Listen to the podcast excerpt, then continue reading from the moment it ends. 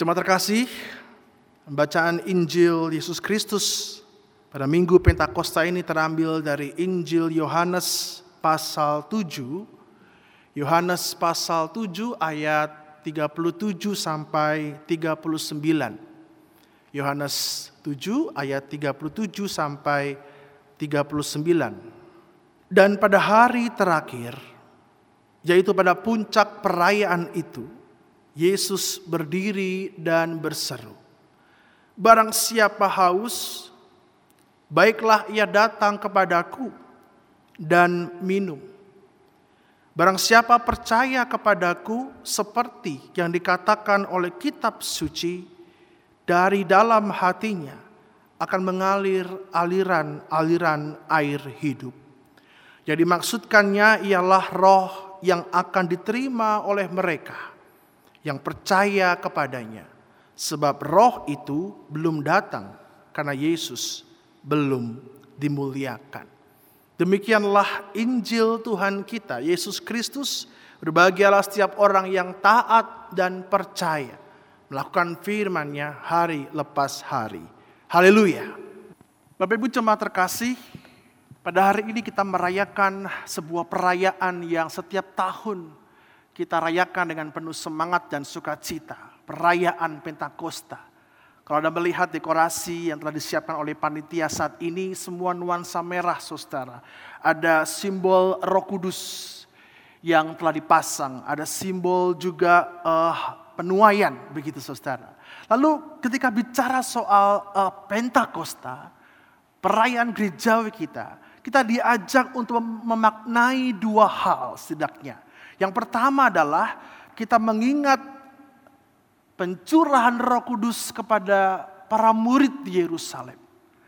Kita pun juga merayakan hari syukur tahunan kita atas berkat pemeliharaan Tuhan yang telah Tuhan nyatakan sepanjang kehidupan kita. Lalu kenapa dua hal ini muncul dalam peristiwa hari raya gerejawi kita saudara? Terkait pada tradisi kuno sebetulnya, yaitu Pentakosta Yahudi. Jauh sebelum gereja mempunyai hari Pentakosta, lebih duluan umat Yahudi punya perayaan Pentakosta. Kata Pentakosta itu dari bahasa Pentekoste atau uh, hari ke-50. Nah biasanya di hari ke-50 sudah Paskah itu saudara, Orang Yahudi akan berkumpul bersama-sama. Mereka biasanya akan berkumpul di pusat keagamaan orang Yahudi yaitu di Yerusalem, di Bait Allah itu. Baik orang Yahudi yang berada di Yerusalem ataupun orang Yahudi yang berada di perantauan. Kalau mau kilas balik sebentar, orang Yahudi terpencar ke mana-mana ketika setelah pasca perpecahan bangsa Israel dan pembuangan ada begitu banyak orang Yahudi yang yang terpencar ke mana-mana dan ketika hari raya mereka biasanya berkumpul bersama-sama di Yerusalem. Nah di hari ke-50 ini saudara, atau di hari ke Pentekoste ini, mereka merayakan satu perayaan yaitu perayaan Shavuot. Atau perayaan festival panen raya. Di mana waktu itu tepat di akhir musim semi dan menjelang musim panas di mana semua ladang akan menghasilkan panen. Di situlah mereka merayakan satu ucapan syukur. Ketika Allah memberkati tanah, ketika Allah memberkati ladang-ladang, hasil bumi melimpah dan muncul. Sehingga mereka merayakan itu sebagai ucapan syukur. Biasanya mereka akan mempersembahkan korban khusus bagi Allah dan diakhiri dengan pesta perjamuan. Nah pada hari itulah saudara, tepat pada hari Pentakosta, sebagaimana yang telah disaksikan dalam kisah Rasul 2, roh kudus dinyatakan kepada para murid. Ketika mereka berkumpul di hari Pentakosta itulah, roh kudus turun seperti angin yang menghembus mereka, seperti lidah-lidah api yang menghembus mereka, dan mereka akhirnya berbicara tentang siapa Kristus. Karena itulah dua makna itu kita maknai saat ini. Perayaan Pentakosta Yahudi itu kemudian diadopsi oleh gereja dan dimaknai sebagai mengingat Roh Kudus yang turun atas para murid, mengingat pengutusan tugas gereja di tengah dunia, sekaligus juga mengingat berkat pemeliharaan Tuhan di sepanjang kehidupan kita. Bahkan secara ekumenis, secara kesatuan gereja, kita pun juga merayakan Pentakosta sebagai lahirnya gereja di tengah dunia ini. Lahirnya gereja perdana, 3000 orang bertobat menjadi komunitas perdana Kristen pada waktu itu. Nah saudara, makin menarik. Karena bacaan Injil kita, Injil Yohanes yang tadi kita baca bersama-sama, Yesus justru berbicara mengenai air hidup. Di tepat di akhir perayaan Pondok Daun. Wah apalagi itu? Hari Raya Perok Daun itu peristiwa apa? Hari Raya Perok Daun adalah peristiwa sebelum Pentakosta. Dan biasanya itu dilakukan sepanjang tujuh hari saudara. Yesus melihat kala itu, di akhir perayaan itu, selama tujuh hari berturut-turut, banyak orang kemudian lelah, capek. Bukan cuma hanya capek fisik saudara, tapi Tuhan Yesus juga melihat mereka lelah secara emosional. Mereka lelah secara sosial ekonomi. Mereka lelah secara kejiwaan. Mereka lelah dengan segala beban kehidupan yang mereka alami. Mereka lelah dengan dengan ritual gereja yang yang sangat panjang, yang sangat melelahkan mereka dan mereka tidak mendapatkan makna apa-apa. Semua tahu bahwa konteks kala itu orang Yahudi tersiksa dengan penjajahan Romawi. Belum lagi sistem keagamaan kala itu yang korup, sistem keagamaan yang menekan umat, yang sangat jauh birokrasinya saudara. Semua melelahkan. Tepat di akhir perayaan itu, di akhir perayaan Pedok Daun itu, biasanya ada ritual penyiraman air saudara. Sebagai simbol doa umat memohon hujan. Tepat ketika air dituangkan, Yesus kemudian mengajar mereka, menawarkan sebuah jalan bahwa barang siapa haus, baiklah ia minum, datang kepadaku. Yesus menawarkan kesegaran rohani. Dia menawarkan kesegaran hidup. Dia menawarkan sebuah pembebasan tepat ketika ritual penuangan air. Saudara, kita bisa melihat di sini bahwa ada yang namanya intervensi Allah. Ada interupsi Allah. Di tengah-tengah situasi kondisi yang dihadapi oleh umat Israel pada saat Hari Raya Perok Daun. Juga pada saat peristiwa Pentakosta. Ketika murid-murid itu berkumpul, ada roh kudus yang turun. Interupsi Allah sering kali hadir dalam kehidupan kita bukan tanpa maksud saudara.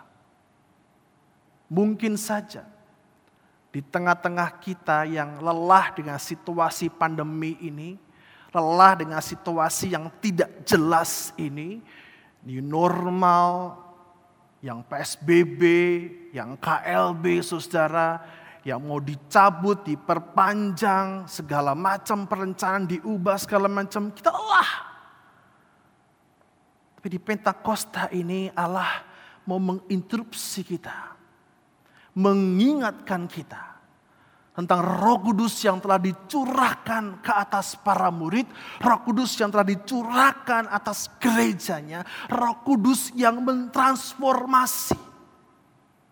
Interupsi Allah selalu berujung kepada sesuatu yang baru. Interupsi Allah selalu berujung kepada satu pembaruan dan itu yang Roh Kudus nyatakan ketika Pentakosta terjadi.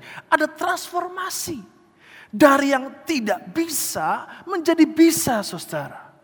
Para murid yang tadinya takut, yang tadinya tidak bisa menyampaikan berita soal kebangkitan itu. Kini mereka keluar dari dari ruangan itu dan dan mereka berbicara kepada orang banyak soal siapa Kristus. Mereka berbicara tentang Injil yang membebaskan itu. Dari yang biasa menjadi luar biasa. Dari yang kaku, yang monoton menjadi cair saudara. Seperti air kehidupan itu. Yang menyegarkan, yang memuaskan. Anda pernah kehausan saudara? Ketika berada di situasi yang sangat panas, sangat kering udaranya gitu ya saudara. Anda begitu haus, dan tiba-tiba Anda diberikan oleh oleh seorang segelas air yang menyegarkan. Ada satu pelepasan di situ. Dan Roh Kudus itulah yang diberikan oleh Allah dalam Kristus seperti roh yang menyegarkan, seperti aliran air hidup. Bicara soal air ini menarik saudara. Semua butuh air. Air menjadi penyokong kehidupan. Air menjadi penyokong sistem alam ciptaan ini. Dan air itu, yang cair itu selalu mengisi segala ruang yang kosong. Termasuk mungkin kita saat ini yang sedang kosong. Yang sedang bingung. Yang dilandas, yang diliputi oleh pergumulan. Roh Kudus sebagai air yang mengalir, yang kemudian mengisi setiap ruang hati kita yang sedang khawatir, yang sedang cemas, yang takut, yang putus asa, mengaliri dengan segala macam harapan, dengan iman, dengan keberanian untuk menghadapi situasi ini.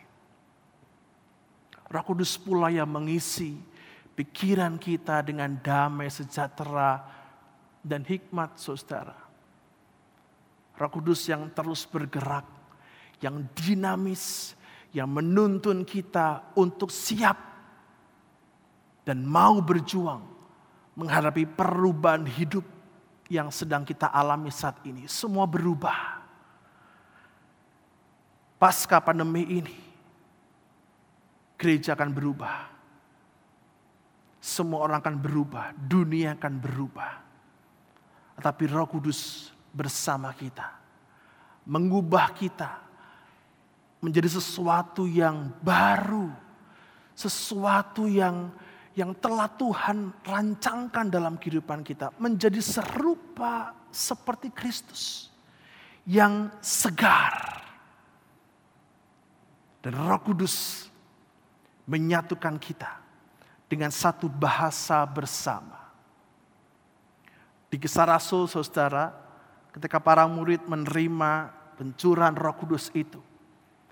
Mereka keluar dan mereka mengatakan kabar soal Yesus dalam bahasa yang dimengerti oleh orang-orang yang hadir kala itu bahasa yang kemudian secara ajaib itu bisa ditangkap pesannya oleh semua orang yang hadir kala itu yang berbahasa masing-masing menurut daerah mereka.